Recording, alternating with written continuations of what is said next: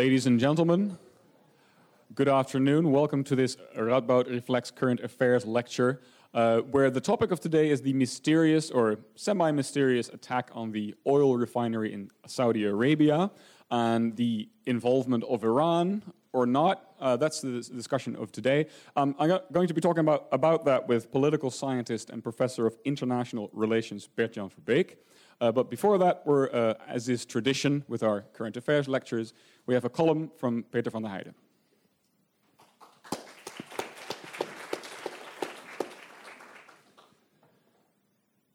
I was told to speak directly into this thing, so I'm trying to do it. Last Monday, Her Majesty's Prime Minister Boris Johnson announced that he was convinced that Iran was behind the attack on the Saudi oil installation. So now we know for sure it's true. or do we? Do we believe do we believe the latest contestant in the TV series So You Think You Can Brexit, who, according to the British Supreme Court, lied to the Queen to shut down Parliament? Or do we believe the foreign minister of the Islamic Republic of Iran, who said he had proof that his country didn't do it? And that proof he produced was beyond any doubt. I quote the Iranian Minister of Foreign Affairs when he said, If we had done it, we would have totally destroyed the installations.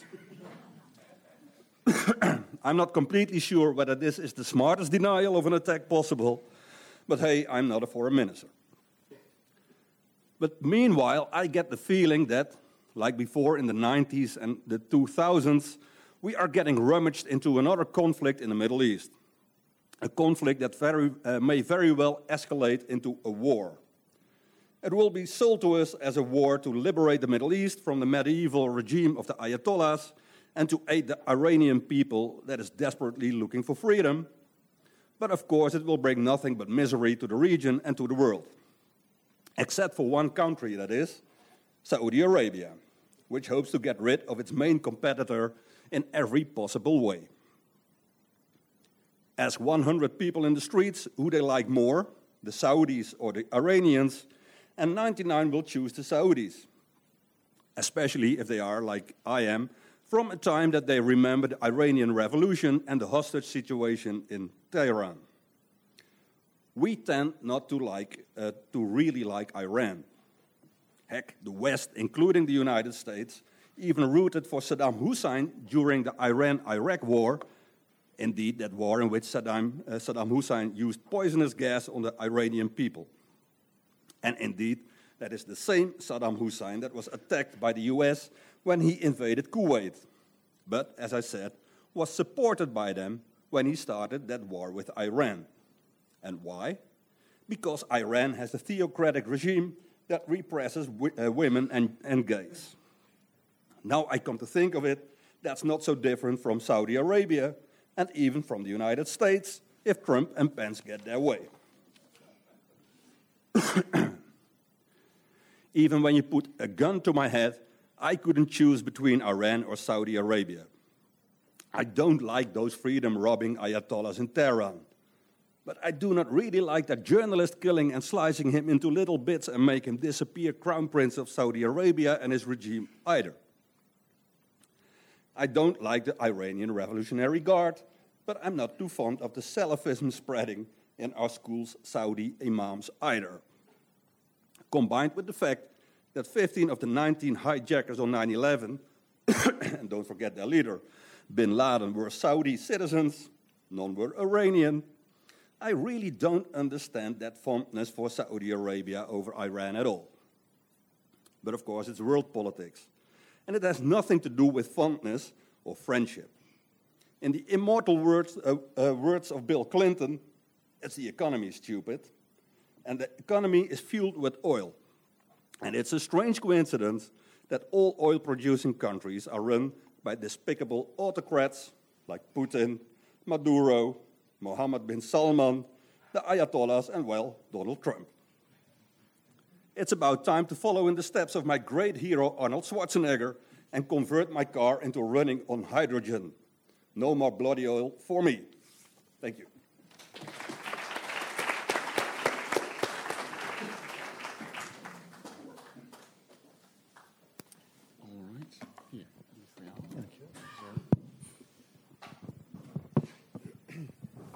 Thank you very much, Peter. All right, uh, here we are. But why are we here exactly? What is the, the current affair that has drawn us together today?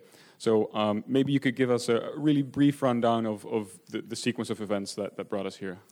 Well, the, uh, the direct reason we're here is the, uh, the attack by drones uh, by we don't know whom, although formally uh, the accusations are now directed against Iran, uh, or Houthi rebels guided by, helped by Iran on the uh, oil installations, on some oil installations of Saudi Arabia in Saudi territory, causing a very quick reduction of uh, Iranian oil production. In a few days, it was half their production, or it was about 5% of world oil production. It's now being restored again, uh, which sort of um, was an, a new step in the escalation that has been going on. Well, some might say, uh, Peter would probably say 1979, but maybe he would even go back to 1954. Um, but an escalation between Iran and its neighboring countries, which in recent year maybe started with the withdrawal uh, by Trump, by the United States, from the so-called Iranian deal, then resulting in uh, tensions in the uh, Persian Gulf, um, uh, small attacks or di diversions uh, of, or uh, arrests of oil tankers. The arrest of an Iranian oil tanker near Gibraltar, later released, heading for Syria, um, culminating now in this um, uh, attack that has provoked states in uh, accusing uh, Iran of Pompeo said an act of war, uh, and which has now resulted in the slow mobilizing of support for we don't know what yet. Uh, coincidence is that uh, many people are now gathering at the UN in, in, in New York, which is on the one hand an opportunity to maybe reduce the tension, on the other hand to forge a coalition that may escalate the tension. Uh, but that's for later. yeah, okay. So before we go on and speculate about uh, who did what or how we can proceed, uh, you said you, you had some things to say about the background or, or the, the, the, backdrop against which we can understand the issue. Yes, I think there are at least two ways to look at the issue uh, if we want to um, refrain from going into the personalities of leaders, although we may get there in the end also. Um, on the one hand, I would, I would like to look at the what we might call the, the international political background of the conflict uh, over the past decades. And then I would like to look into uh, what's going on within Iran and potentially the US or other Western states to, in the end, come to the understanding of why there is a conflict and potentially why uh, some actor uh, resorted to, um, to instrumentalizing maybe the Houthi uh, to, um, to use drones. Okay, the big, the big backdrop of all this, I would like to start with the war against Iraq, also mentioned by Peter. Um, because um, in the end, uh, what happened with the removal of Saddam Hussein was that one country that used to be a very important player in what one might call the Middle Eastern balance of power suddenly was without a clear leadership or state. And that created basically what we might call a vacuum of power, a power vacuum. And as some people in my field would say, any power vacuum is bound to be filled by it doesn't matter whom, and everyone is afraid that it will be filled.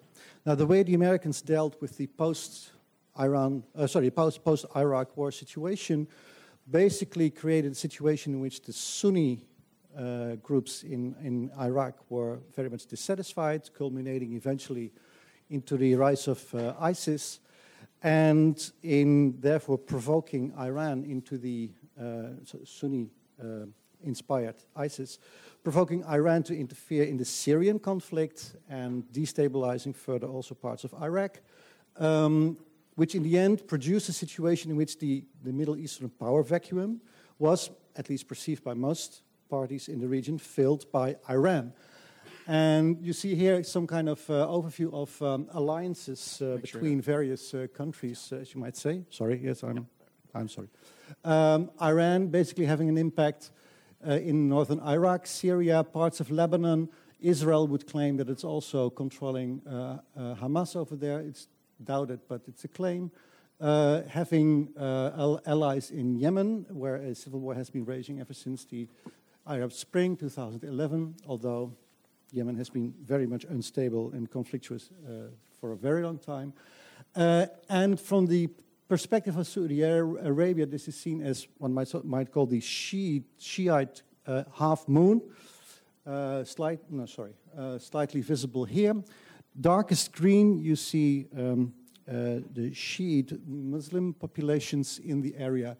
Oh, sorry about that. Um, and from the point of view, Saudi Arabia having a sizable uh, minority of Shiites, Yemen, uh, neighboring countries like Bahrain, um, Lebanon, etc. Some people fear what we call the half crescent of Iran, of a Shiite mm, preponderance over this region. Now, whether or not religion matters here, we can doubt that too, but from a simple power point of view, no major country in the Middle East likes it whenever another country is becoming is likely to become more powerful. Major players being traditionally Turkey, Iran, Saudi Arabia, Iraq, but that is exactly where the problem started. And of course, all the bigger powers, the US, Russia, China, have an interest in these uh, uh, changes too. So basically, the, the drone attack is related to the major conflict uh, that is the shifting power relationships in the Middle East and can be interpreted as um, uh, another uh, move, if you want, another phase in what currently has been the conflict between Iran and Saudi Arabia. And to just illustrate how that conflict is um, affecting the, the, the region, uh, countries that used to be very close to Saudi Arabia, uh, like Qatar, uh, are now slowly, uh, like yes, Qatar, uh, uh, pondering to, well, maybe we should be a little bit friends with Iran, maybe stay also a bit friends with Arabia. People are moving in the system of alliances. Countries are moving, creating a highly unstable situation. That is, let's say, the major background in terms of power politics which is reinforced to a large extent by uh, this element that the, let's say, the uh, conflict of interest in terms of geopolitics is partly reinforced by a conflict in religious outlooks uh, of uh, countries in this region. And we can see the, and then I'll stop, and we can see the effects of it, for instance, in the arms race, which is basically, has been going on for quite a long time already in the Middle East, this is just one way to look at it. If you look at the military expenditures of countries in the region, we find um, actually that countries are spending a lot of money. Uh, countries like Saudi Arabia spending more than 4% of their gross national product, gross domestic product, uh, on defense. And actually, Saudi Arabia is the third largest spender in absolute terms on defense now. Uh, and that sort of um, illustrates the, uh, the fear, basically, that um, Saudi Arabia is experiencing without necessarily taking sides. We can get back to that later. Um, and in that sense, also a strong message that actually is conveyed by the drone attack, even though it wasn't completely destroyed, is that Saudi Arabia, despite its strength, is also vulnerable. And that is a major, major message that has uh, run. Okay, so interesting background. So we see there's a power vacuum and struggle going on in the Middle East. Against this backdrop, um, I guess it's to be expected that America would take the side of Saudi Arabia. Would it also be expected that, like days, or I, I, don't even know how fast it was, but after the attack, America immediately claimed that it was Iran that was behind the attack? I mean, given this background and, and Saudi Arabia's allegiance with the United States or vice versa, I mean, okay. couldn't you just say it's just politics that they're saying it's Iran because that's our common enemy? Okay we're adding a new layer to this, the, the, role of the US. And indeed, US has always been aligned with Saudi Arabia. Uh, actually, since the 1940s, when uh, the US uh, struck an alliance with the Saudi royal family and basically secured uh, exclusive access to Saudi oil for uh, American companies, whereas the Middle East was still partly, let's say, influenced by the French, particularly the British. Um, Saudi Arabia has been the staunch ally of the US, and the US is staunch ally of Saudi Arabia, which is clearly related to what indeed the, the economy needs. It needs oil, and what one wants is stable production, stable prices, and a stable supply of oil. And Saudi Arabia, the biggest oil producer in the world, single handedly capable of influencing OPEC prices, is therefore a major uh, uh, player in this game and has, for that reason, also been traditionally an ally of the US, but partly also because of that history between Saudi Arabia and the, and, and the US. The US indeed has developed a very strong dislike of Iran and Iran of the US. ever since the Iranian Revolution. Uh, the, the, hostage situation, as you call it, uh, has been very um, decisive also in that the US lost a major ally in the Cold War, thought it could fight it by uh, provoking Saddam Hussein or helping Saddam Hussein attacking Iran in the 1980s.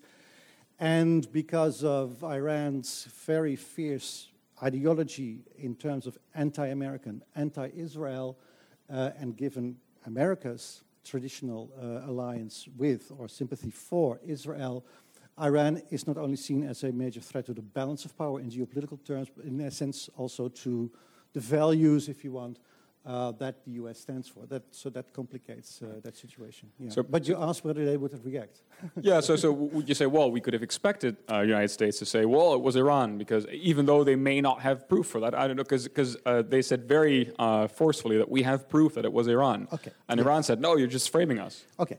Now we move to the second way of looking at this type of conflict, and this by sort of looking inside the states and try to find out how states come to their foreign policy. Because within the US, like in Iran, there are always different factions claiming whatever is better in terms of foreign policy or more to be preferred in terms of foreign policy.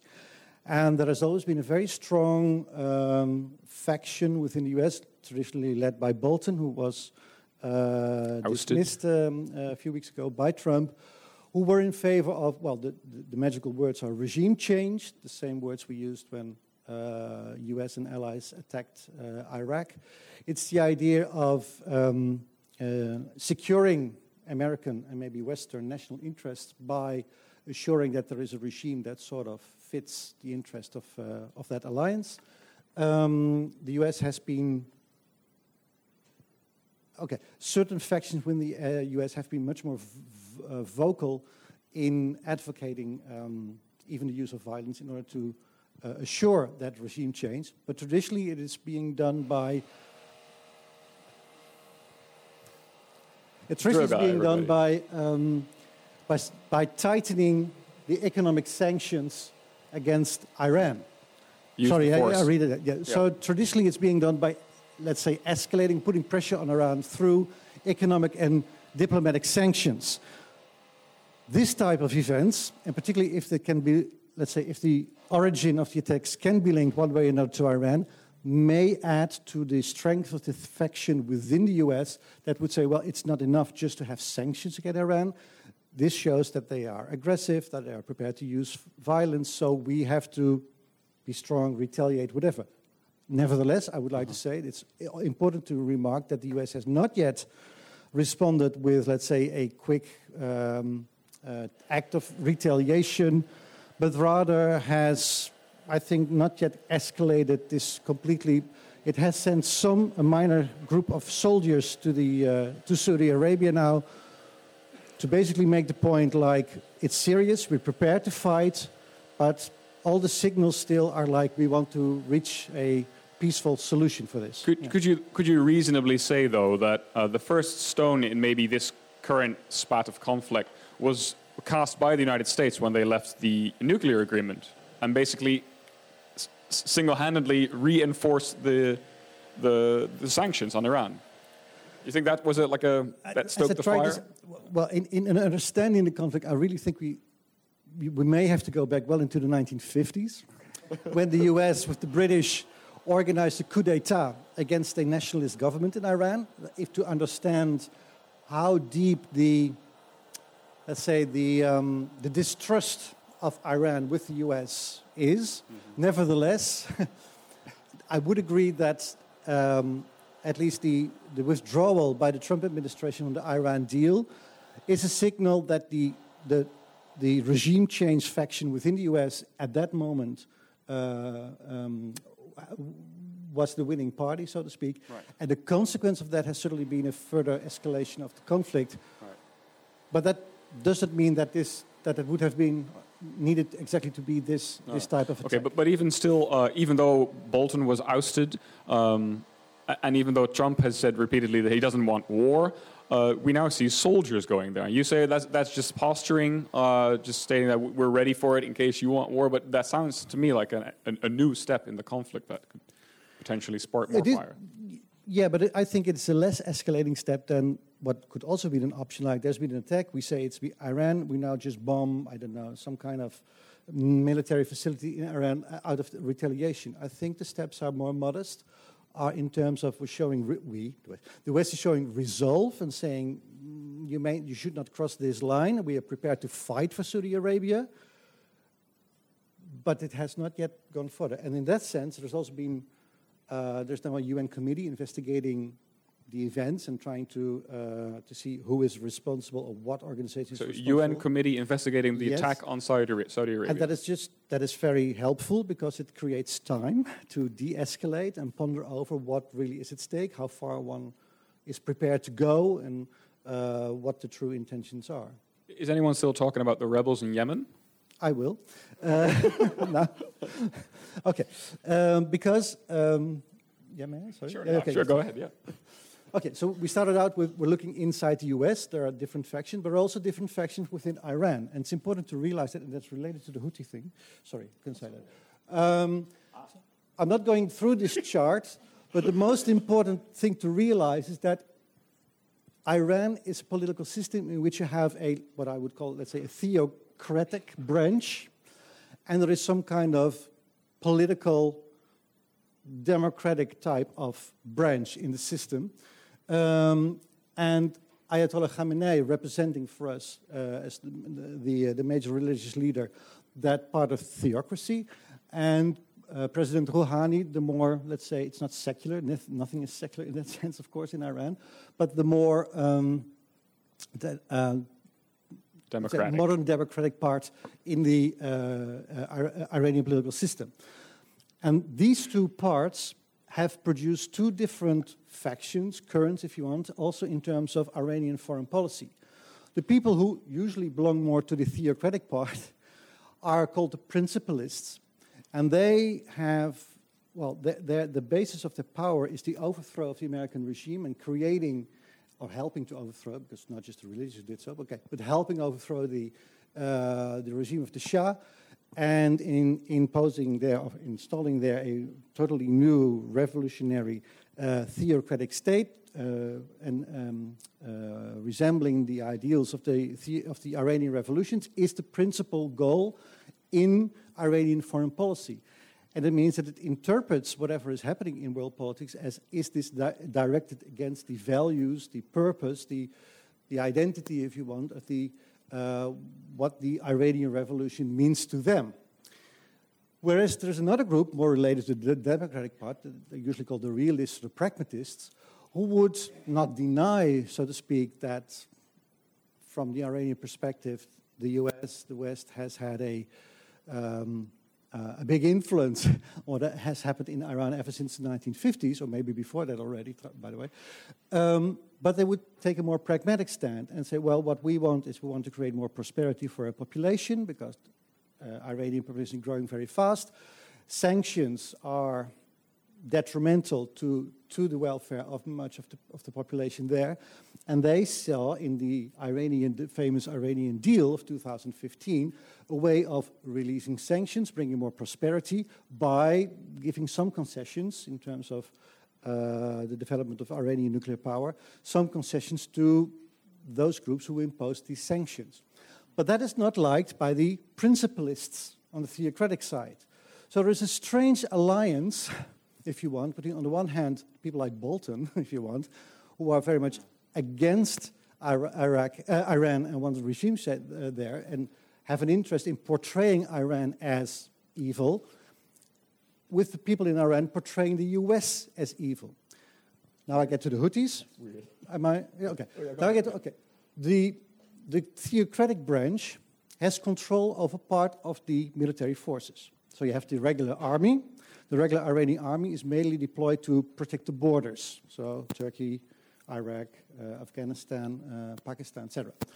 The Revolutionary Guard, which is much more under direct direction, I wouldn't necessarily say total control, but direction of the theocratic part in, Iran, in Iranian society, is now responsible for the defense of the Persian coast. And that's, of course, where all the, the little incidents are happening. And much of what's going on is often related to the acts of the Revolutionary Guards. Now, we tend to interpret that as, oh, Iran is doing this, is doing that. But it may well be that we are often looking at whatever the, let's say, the groups within Iran are doing because they conceive of the conflict in a very specific way. And what is happening in Yemen, where a Shiite group, the Houthis, are being uh, bombed by a coalition of uh, eight or nine more Sunni Arab states, basically, where people are starving to death, and not only because of Saudi Arabia, also for, for all other kinds of reasons and people who are doing bad things, so to speak. Nevertheless, for the the people who who are in Iranian politics, if you want, or in the Iranian army to protect the values of the Iranian revolution, let's say for the Shiite population, they are supposed to help and protect, of course, the Houthis that are menaced by the, um, uh, in their view, the, uh, the, the Sunni anti Houthi coalition of Saudi Arabia and its allies. And in that sense, it may well be that this is much more a, a um, therefore directed at making very clear that they want to show commitment to helping the Houthi in, in Yemen rather than, well, we're acting against the US. Right. The other option, and then I will stop, is even that maybe no one in Iran was really in control of what's going on, but the people on the ground, the Houthi with some people in the Revolutionary Guard, thought that this was a good way to attack, and now Iran, Iran is dealing with, well, we didn't plan it, but now we're stuck with it, we have to deal with it. That, so, we yes. cannot exclude that either. Very, very complicated. And so what you're telling me is that um, Iran, for political purposes, may not just be one country. So basically, because uh, uh, uh, mm-hmm. uh, Rouhani is currently in New York, right, for the UN mm-hmm, meeting. Yes. Uh, so, what even is the value of Trump meeting with Rouhani if if if Rouhani is not the aggressor here? Well, the word aggressor is not yet being. Okay, that right, would okay. be very dangerous to use the word aggressor. That will always be. Then we're ready for a UN Security Council resolution. Uh, uh-huh. legitimate. Okay, but still, of course, they are there it's the, uh, the meeting of the General Assembly. All leaders of the world uh, will be there, diplomatic passports, etc., etc. You, one could say that's an ideal moment, of course, to, to meet up. The problem is that when leaders go to the UN, particularly in these weeks, they go to talk to the world, but also mainly to talk to their own domestic audiences. Mm. And although um, um, uh, Rouhani proposed a coalition of hope, that's the word, um, the, the, the, he's talking the Hormuz uh. Yeah, Rouhani proposed in his speech a kind of What's we have to de-escalate. We have to build a coalition of, of, of countries that are, let's say, located around the Persian Gulf, which is aimed at de-escalation, peace, etc. Yeah, Hormuz Peace Initiative. Yes. Hope. But the, let's say, the words he's using in his speech are talk all the time about it's about sovereignty. It's about Iranian sovereignty that's being inflicted. It's the US that has been there for decades. And the US, it's something in the speech like the US does not live here, doesn't live in the Persian Gulf. The US is here, meaning New York. New York, right. speaking. And that is talking to the, the, the principalists. Because the principalists, the, the, the, the, the guardians of the, of the Iranian Revolution, that is their discourse. It's our sovereign state. We decide what we want to do in our country, and the US has to go. So given the fact that Rouhani is particularly speaking, trying to please his, let's say, radical faction, it's, it's unthinkable that there will be, in some kind of open talk or secret talk, at least a publicly known talk mm-hmm. uh, with Trump, uh, some kind of breakthrough here. That's, that's inconceivable. And I think the only way to reach that is to, to use so called green rooms in the UN building where you can informally meet without obviously being, let's say, held accountable through the press statements and media for what you say. So there, there's no talks between um, foreign governments and the principalists in Iran, because the principalists, in principle, no. don't want. They, no. Yeah. The, the, the, major talks that are going on uh, are at the uh, governmental level, which represent at this moment the, the more realist faction or the pragmatic faction. There has been a time under Ahmadinejad that, let's say, even that that part of the Iranian system was closer to the theocratic part mm-hmm. that, that, that creates other problems on its own. But I would say, as long as, as uh, the Rouhani faction is at least in charge, that is your chance to try to reach a deal. But you don't reach that deal, I would say, by okay. having a kind of top level Trump Rouhani meet that meaning. That seems So- very un- unconceivable. Yeah. We've discussed um, the power vacuum in the Middle East, Mm-hmm. uh, kind of the backdrop against which we should understand the conflict. Uh, we've talked about the United States um, uh, Involvement? involvement in the region. Yeah. We haven't talked about the European kind of like stakes in what's going on here, because recently uh, Johnson and Macron have said, yes, it was Iran that was behind the attack. Um, what are our stakes, so to say, as Europeans in this? Uh, do, are we picking sides? What are stakes? That's, that's very difficult, what the European stakes are. The European stakes certainly are, first of all, economical, in the sense that also Europe is interested in stable flow of oil and gas. Um, but the, Europe has been much more, let's say, divided on that, in the sense that some European countries have been open to strike deals with Iran on oil, like Italy, or strike deals with Russia for that matter. In that sense, the, the EU is not necessarily united.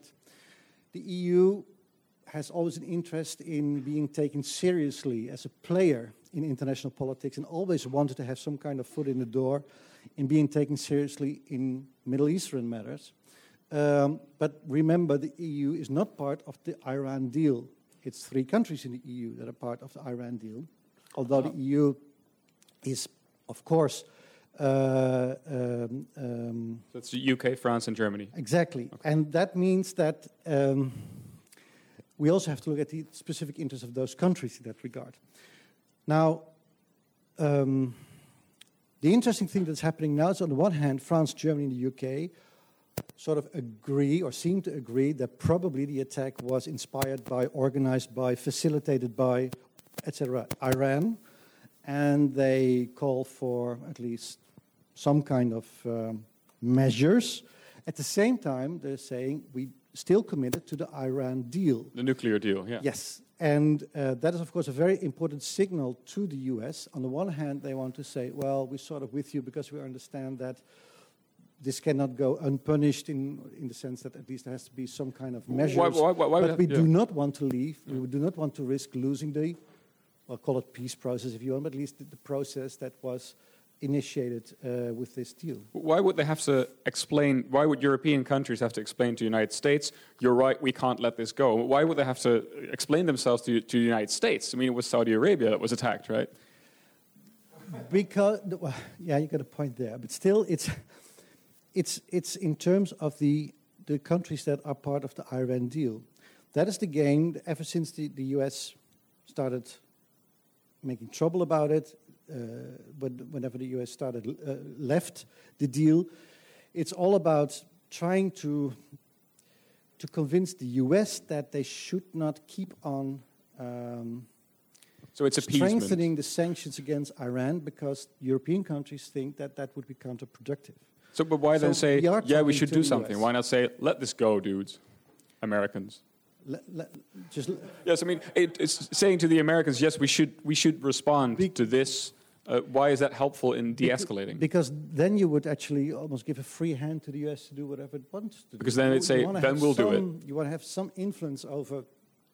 I mean, if if we say like, well, we continue with the deal, but US, US you can have, do whatever you want.